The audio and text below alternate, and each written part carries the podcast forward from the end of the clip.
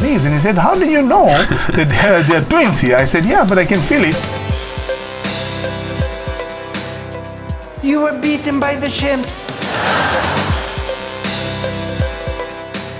The medical school in Tanzania was excellent.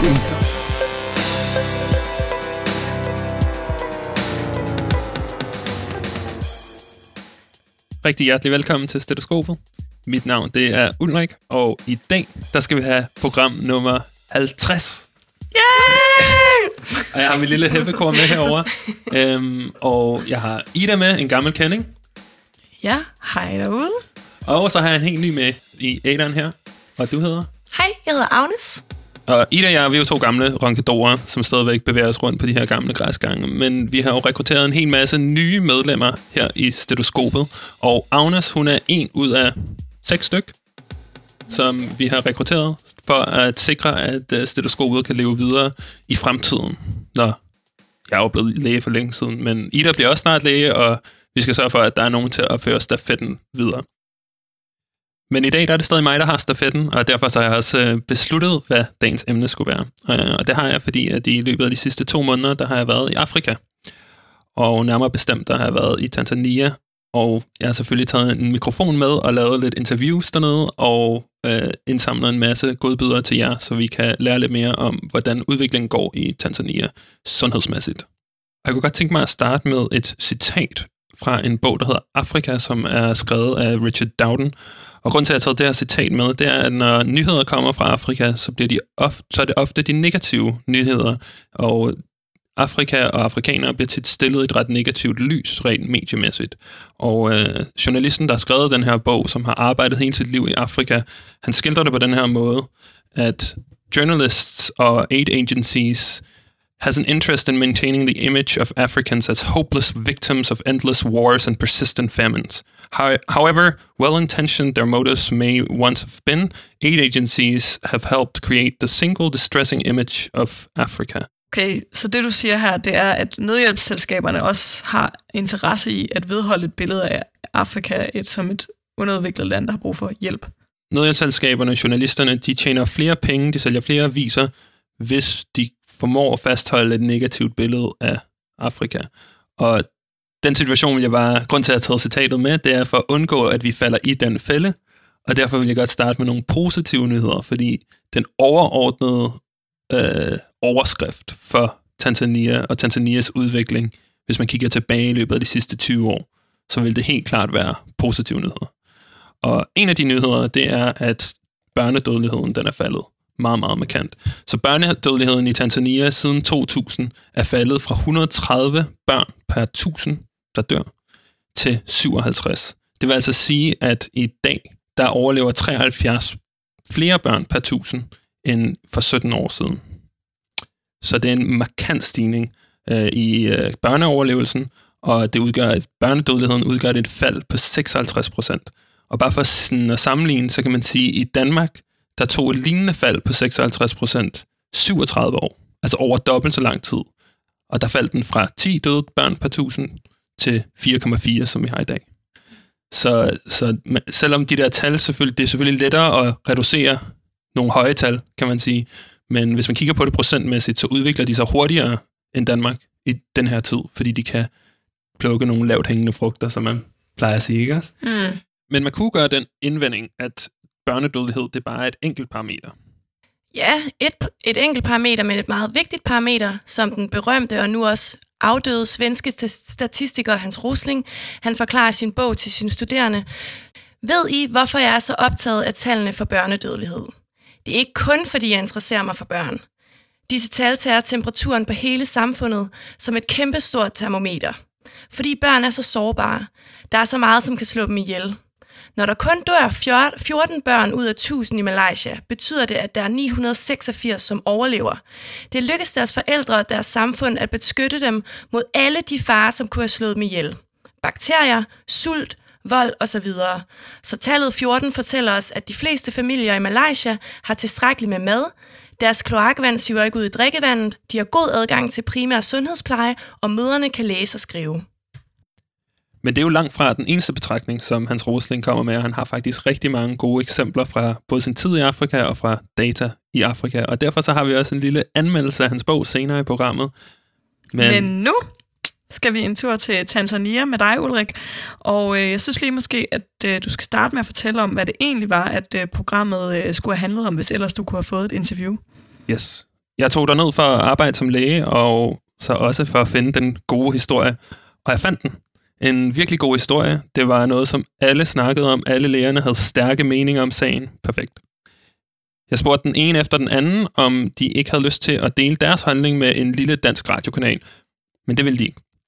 Og jeg spurgte dem med nu, at øh, vi ikke nævnte dem ved navn. Stadig nej. Hvis vi nu ændrede deres stemme, så man ikke kunne genkende dem overhovedet, nej. Det stod klart for mig, at øh, jeg kunne ikke få nogen som helst i tale om det her emne. Tanzania er ikke et frit land, var der en, der sagde til mig, og det er et meget ømtåligt emne, og øh, jeg risikerer i bedste fald at miste min autorisation, og i værste fald, ja, det tager jeg slet ikke tænke på. Så det var ret tydeligt, at jeg ikke fik øh, lov til at tale om lige præcis det her emne, og jeg søgte på det på nettet, og der var der bare nogle sådan lidt spredte, positive press release-agtige artikler, som øh, nok kommer mere eller mindre direkte fra øh, staten.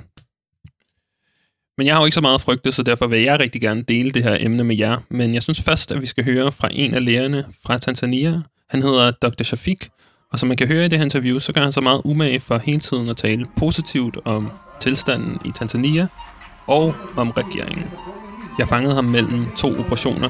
Direkte inden fra operationsstuen gik vi op ad en trætrappe til en slags mellemetage, der lå over operationsstuerne, og her gik vi forbi det øvrige personale, der sad og drak chai massiver eller te med mælk og satte os i omklædningsrummet.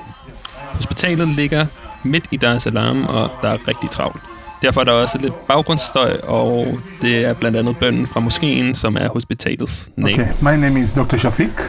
I'm a consultant gynecologist and laparoscopic surgeon, uh, the director of um, Sasani Peninsula Hospital, and um, an associate professor at Muhimbili University College, and a visiting laparoscopic surgeon at uh, Hindu Mandal Hospital. Uh, I finished my medical school uh, here in Tanzania. After that, after my uh, medical school, I went to inter- I went for internship program at KCMC, which is in Moshi. It's a consultant hospital. Um, but after finishing my postgraduate studies, after five years of working, I went for my training in Netherlands, Amsterdam. I was working at Amsterdam Medical Center. I did my laparoscopic training there, and thereafter I have had several small, small short courses in India, in UK. Vi beder Dr. Shafik om at uddybe hans uddannelse i 80'erne. You see, at that time uh, in Tanzania, we had only one med school, and that was only at Muhimbili.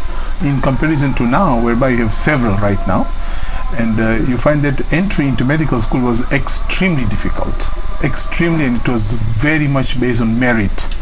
And I remember very clearly that before we began our medical school, we had a pre-med training for three months. Uh, we were so many who had applied, and so many who were qualified.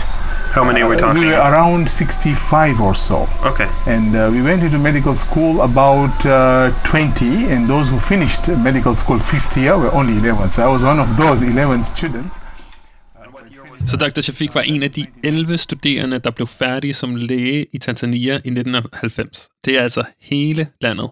Uh, og jeg var inde på Sundhedsstyrelsens hjemmeside lige at kigge på, hvor mange læger, der blev færdige i 1990 i Danmark. Hvor mange tror jeg? Det ved jeg sgu ikke. Nej. Hvad? Hvad tror du? Ja, det er jo færre i dag. Ja. 200? 200? 455 i 1990. Og det er altså til Lidt flere end 5 11. millioner mennesker, ikke? Og i Tanzania snakker vi 11 læger til 50 millioner. Så kæmpe, kæmpe forskel, og det bidrager til selvfølgelig til, at der er mange flere patienter per læge i Tanzania. Vi snakker i størrelsesorden en læge per 50.000 patienter. Lidt større optageområde, end vi har i Danmark. Ja, præcis. I Danmark, der ligger tallet på omkring 1 ud af 370-80 stykker. Så der er kun 380 patienter til hver læge i Danmark, og der, der er der 50.000. Jeg spurgte Shafik, om hans uddannelse var noget, han selv skulle betale for. No, no, no. Uh, I, I was not. I, there were two categories of pay, uh, of students. There were those who were privately sponsored, and there were those who were government sponsored, the Okay. government bursary. Uh, predominantly, I remember out of eleven of us, nine were uh, sponsored by the government. I was fortunate that I was sponsored by government, and I really, I would like at this point in time to say thank you to the government of Tanzania to have sponsored my entire medical training, starting from medical school all the way to postgraduate. So for that, I, I, I say thank you to the government. Jeg tænkte øh, to ting, da jeg hørte det her klip for første gang. Øh, for det første, så øh, burde jeg måske også selv lige sige tak til regeringen for min øh, uddannelse.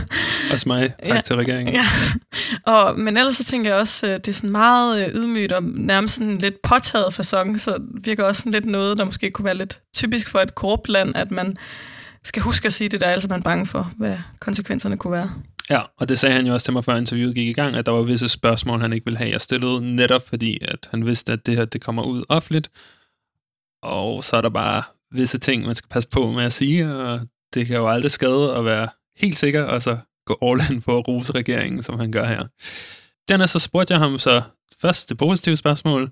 Hvad har været godt ved at studere medicin i Tanzania? Um, because I have had the best of both the worlds, the Western world and uh, this part of the world, and I can compare it very easily. Medical school in Tanzania was excellent in terms of hands-on training.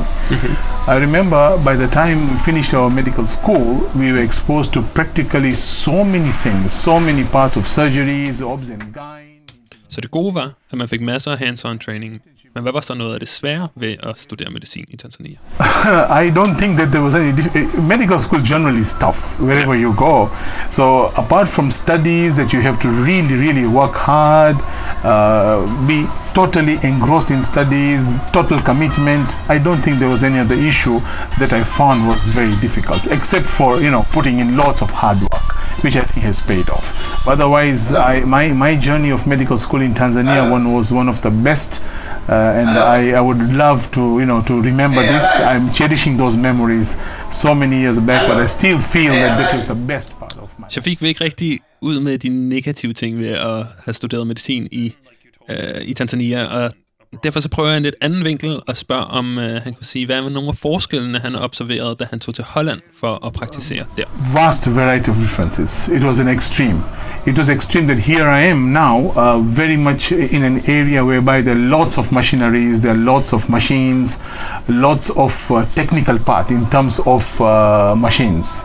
Uh, which uh, we were not uh, having that much exposure in, in, in Tanzania. Ours is a very clinical oriented field. Clinical acumen was the most top topmost priority. I remember at that time we really had only one ultrasound machine, and uh, probably other parts of uh, the the city, probably in other good hospitals, there were only one or two uh, ultrasound machines. So in that way, I was very much exposed to machinery part. For example, laparoscopy, uh, hysteroscopy, for example, was uh, not there in Tanzania by then, but in Holland, uh, they, my, my colleagues were doing office hysteroscopy then. You see, so that was the only exposure that I enjoyed. But as far as clinical experience is concerned, hands-on training, I think Mwimbili or Tanzania was the best. Okay, så de havde altså kun én ultralydsmaskine på hele hospitalet. Er det rigtigt forstået? Ja, og det her, det er Mulhimbili, som han refererer til, og det er altså det største hospital i Tanzania. Det svarer til Danmarks Rigshospital, og det er det mest avancerede tertiære en ultralydsmaskine. Altså det han siger, er, at der er et par andre privathospitaler, hvor de så også har en ultralydsmaskine, men vi snakker om et par stykker i hele Ja. landet. Det er ret vildt. Så når han siger, we didn't have that much exposure, så snakker vi om stort set nul. Ja. Men det bliver alligevel til, as far as I'm concerned, it's the best, bla bla bla. Ikke? Altså det er ret, det bliver ved med at komme tilbage til det positive. Jeg spurgte ham også om, hvad han godt kunne lide ved at være i Tanzania. Everything, I would say, everything.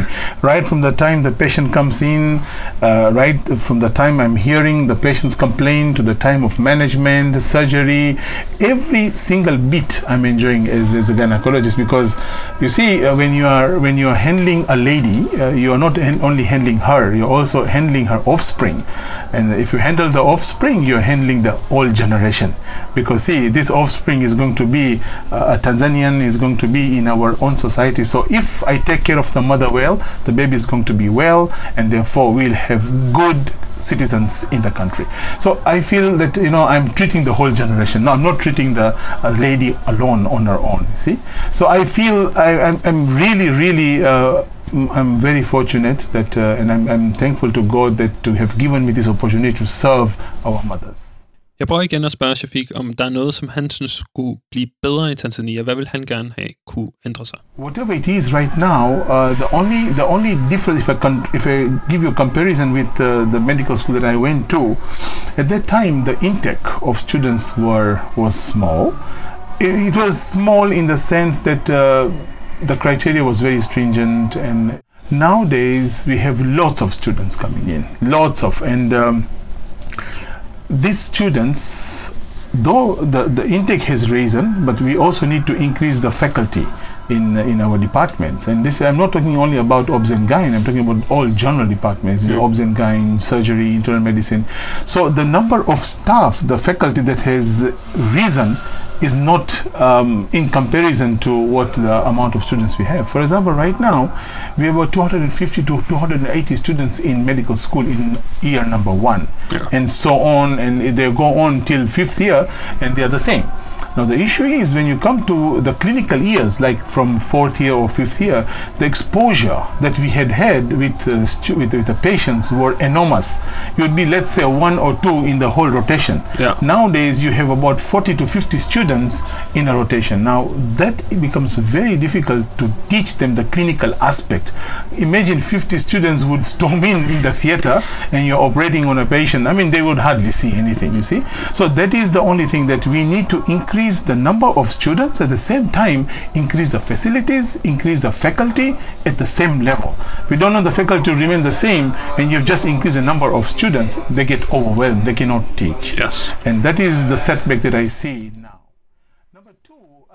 Øh, ja, jeg skal ud i øh, KBU her til øh, foråret, og øh, der er rigtig mange, der spørger til afdelinger, og hvordan og hvorledes er der god supervision. Og jeg tror da i forhold til det, Dr. Shafik fortæller her, så tror jeg, at vi har rimelig god supervision på alle danske afdelinger. Det giver jo ligesom mening, når han fortæller om, at der var 11, der blev færdige for bare en generation siden. Nu er vi så med en ny generation. Der sidder 11 gamle læger, der er 280 nye. Det er klart, det giver nogle problemer i forhold til mesterlærer, bedside training, alle de der ting, som, som er det, som man virkelig håber på at få, når man endelig kommer ud fra det. Men at ham lidt, havde Shafik også nogle andre forslag til forbedringer, der kunne gøres. more technical. Uh, to be on uh, on on a, on, on a side of a machine for example uh, availability of uh, things like hysteroscopies uh, uh, availability of ultrasound machines availability of all the machineries. That is the only part i think we are lacking probably because of one uh, cost ex- cost because it's very expensive. Number two uh, the maintenance. Because see sometimes uh, if you talk about laparoscopy for example we have uh, no technicians who can service our laparoscopy so we have to depend on um, technicians who are moving around from nairobi to you know to uganda and then we call them to do the servicing so that is the second part which i think that we need to dwell on so one is availability Afslutningsvis spurgte vi Shafik om, hvad Vesten kan lære fra Tanzania. two things. One is an experience in tropical diseases because we have tropical diseases plenty here. And uh, I think that part uh, they are, they're missing in the western part of the world.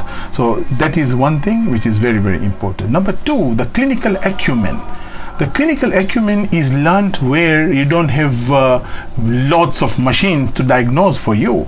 For example, a small, tiny example was um, I remember when I went to the first week of my stay in Holland, uh, my professor asked me to examine a patient, and uh, I examined the patient, and I said, This uh, mother is having twin pregnancy. And he was amazed, and he said, How do you know that there, there are twins here? I said, Yeah, but I can feel it. I, I told him what are the criteria I use, and exactly he had an ultrasound machine, and he did it, and he found that they were twins. What I'm trying to say that in our part of the world, our training is extremely clinical oriented. So clinical acumen plays a big role in our diagnosis. So that is something that probably might be lacking in the West. Med disse sidste ord fra Dr. Shafik vil jeg gerne lige fortælle, hvad det i virkeligheden var, jeg ville spørge ham om, men ikke måtte. Regeringen i Tanzania er aktuelt ledt af Magufuli. Har et ønske om, at størstedelen af deres borgere skal være dækket af en basal sundhedsforsikring inden 2020. I talende stund er omkring 30% af befolkningen i Tanzania dækket af denne fond, som hedder National Health Insurance Fund, eller NHIF. Alle jeg snakkede med var enige om, at ideen er god. Sundhed til folket. Der er bare lige et problem. National Health Insurance Fund dækker ikke de udgifter, hospitalet har. Det vil sige, at når et privat hospital i Tanzania laver for eksempel et kejsersnit, koster det netto 2,7 millioner shilling eller 7.500 kroner. Men NHIF refunderer kun 600.000 shilling, det vil sige 1.500 kroner. Patienten betaler ikke noget, og hospitalet står med hele tabet. De private hospitaler i Tanzania udgør en betydelig del af Tanzanias sundhedssystem, og som mange læger pointerede over for mig, når de nu tvinges til at tage imod NHIF-patienter, er det bare et spørgsmål om tid, inden at de går konkurs. NHIF-systemet og drømmen om en slags universel sundhedsgaranti er simpelthen ikke holdbar. Måske er dette bare i alle tilfælde en utopi i et land, der stadig kæmper for at komme op på over 1000 dollars i BNP per indbygger. Måske er privathospitalerne grådige. Den aktuelle status er i hvert fald, at privathospitalerne bliver tvunget til at tage en hel masse NHIF-patienter, selvom de ved, de mister penge på det. Kvaliteten falder, store hospitaler risikerer konkurs, og måske værst af alt, ingen må snakke om det offentligt.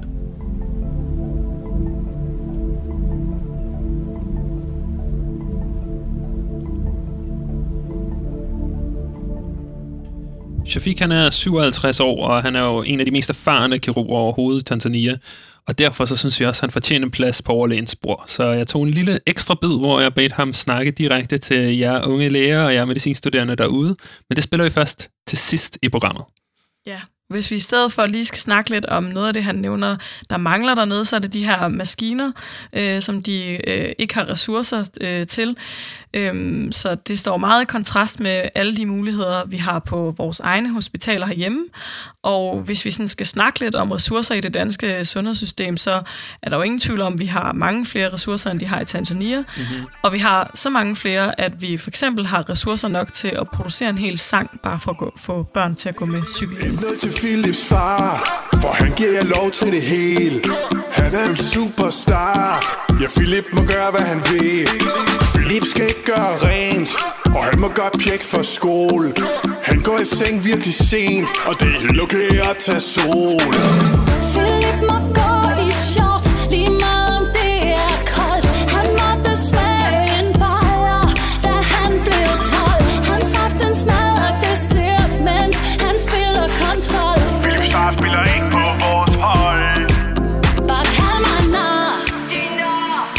cykelhjelm skal på. Jeg er Philips far. Det rager mig, hvad Philip må Og vi ved godt, vi er nederen Men nederen er sgu federe end Philips far Og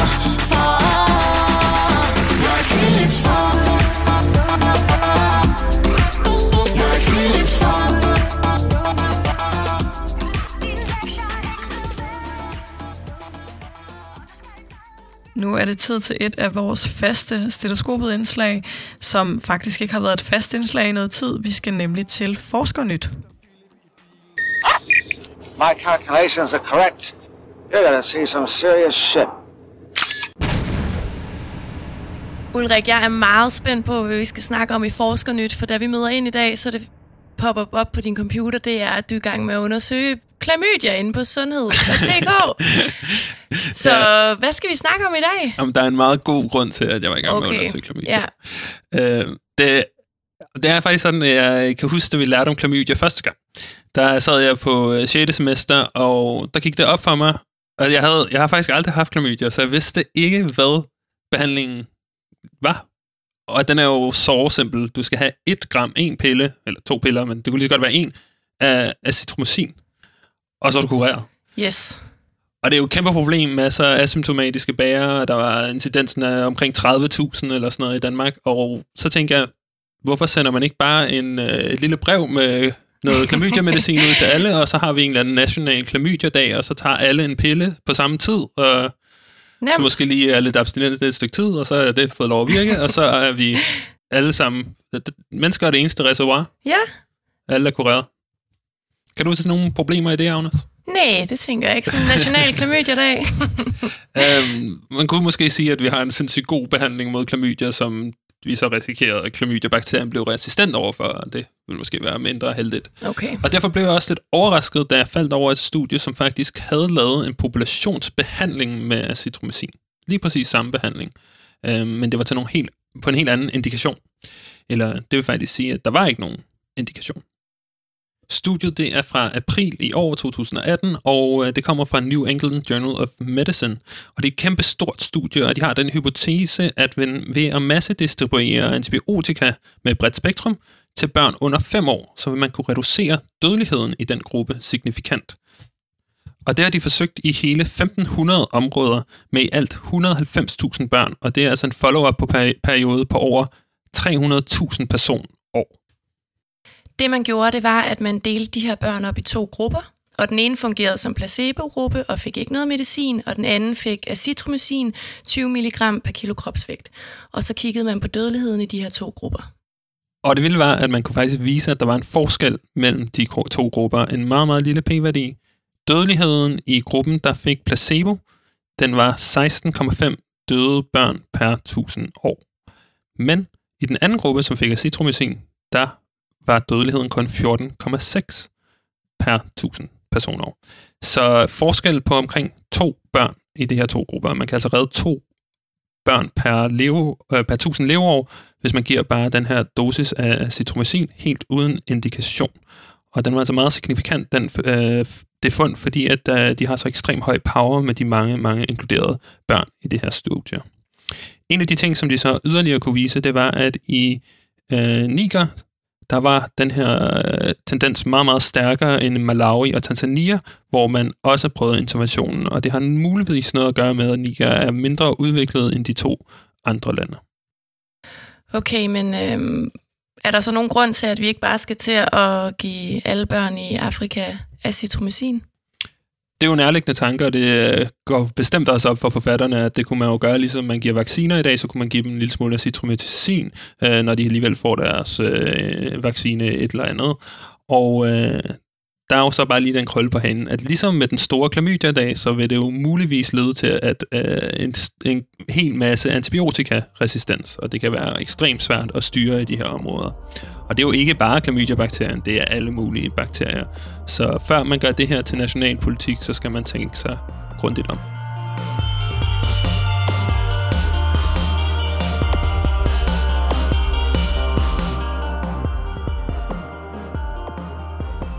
Fra forskerne til noget andet. Som vi nævnte i starten af udsendelsen, vil vi lave en lille boganmeldelse. Og det drejer sig om den svenske statistiker Hans Rosling, som har skrevet den bog, der hedder Factfulness. Hans Rosling han blev øh, oprindeligt kendt øh, for nogle af hans mange TED-talks, så derfor vil vi lige lægge ud med at høre et lille bid fra en af dem.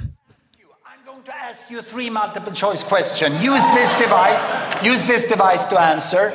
The first question is How did the number of deaths per year from natural disaster, how does that change during the last century? Did it more than double? Did it remain about the same in the world as a whole, or did it decrease to less than a half? Please answer. Please answer A, B, or C. I see lots of answers. This is much faster than I do it at universities. They are so slow. They keep thinking, thinking, thinking.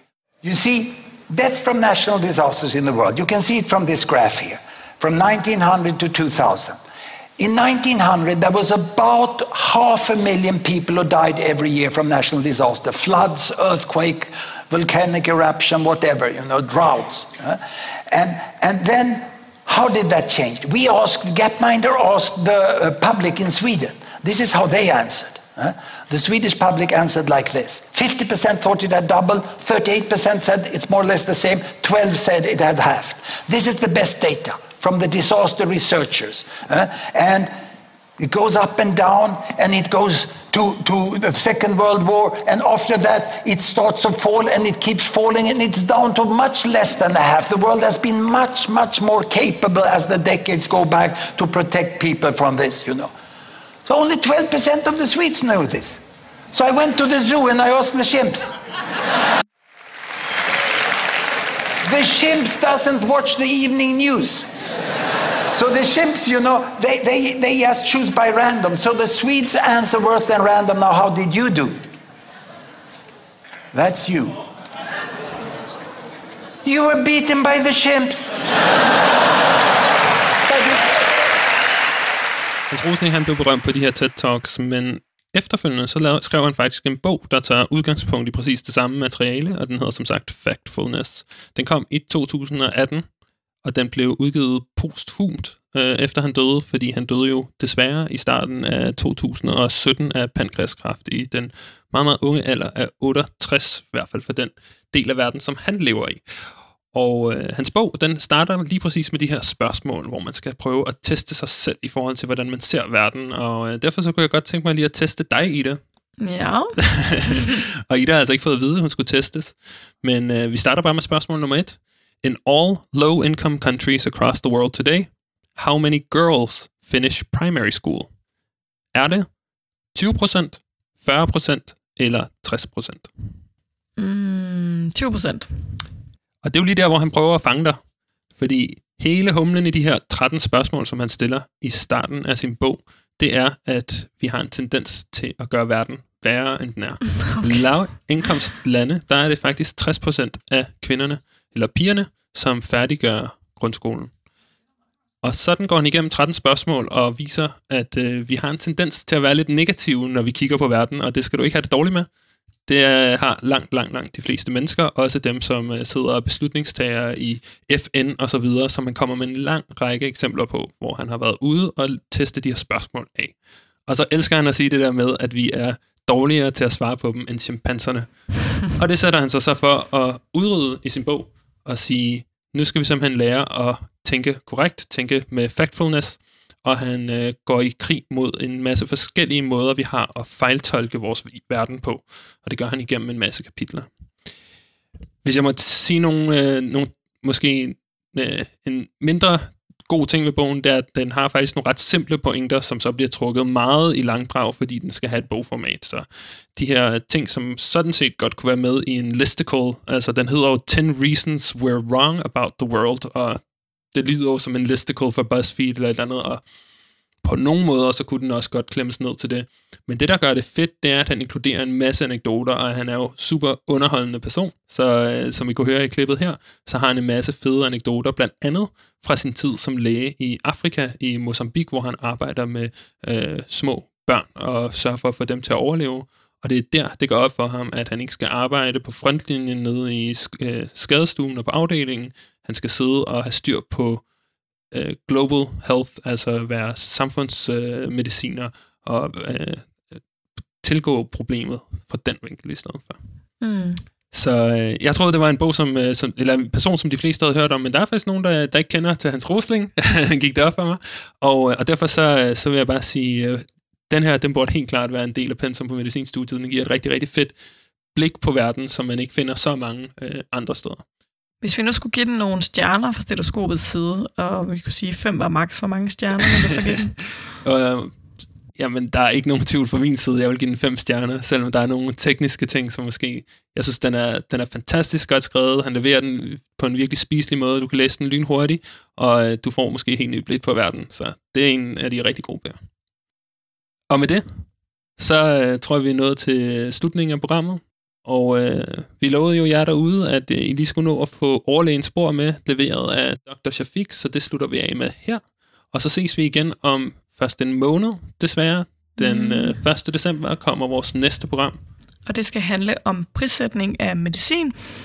Og øh, ellers så vil vi bare sige tak for i dag, og husk at gå ind på vores øh, Facebook-side og øh, kommentere og like og komme endelig med forslag, hvis I har øh, gode idéer til programmer eller andre ting, øh, som I godt kunne tænke jer, stetoskopet skulle kigge nærmere på. Og øh, der går som sagt en måned før vores næste program, men vi håber snart at komme op på samme kadence igen nu, hvor vi har fået nyt blod med i redaktionen.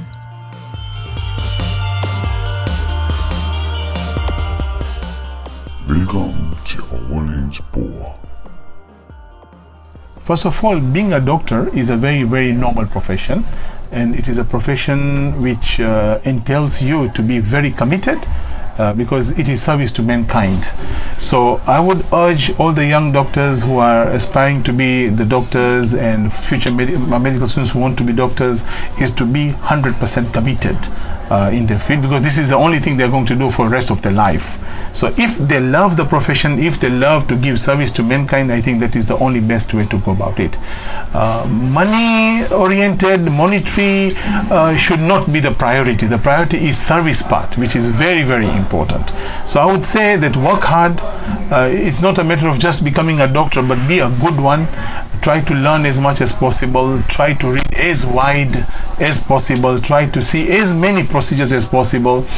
Try making sure that you are going to a remotest area where you will have spectrum of diseases where you can handle and you get more experience. Don't stay in town only because the lim- exposure is very limited. And um, love what you're going to do. That's it. Det er endnu et det er det, der er fraklip, det her. Det var Hans Rosling, som har skrevet bogen, der hedder Factfulness. Factfulness. Det er sådan, det står skrevet på forsiden i hvert fald. Meget opdelt. Vi tager den lige forfra.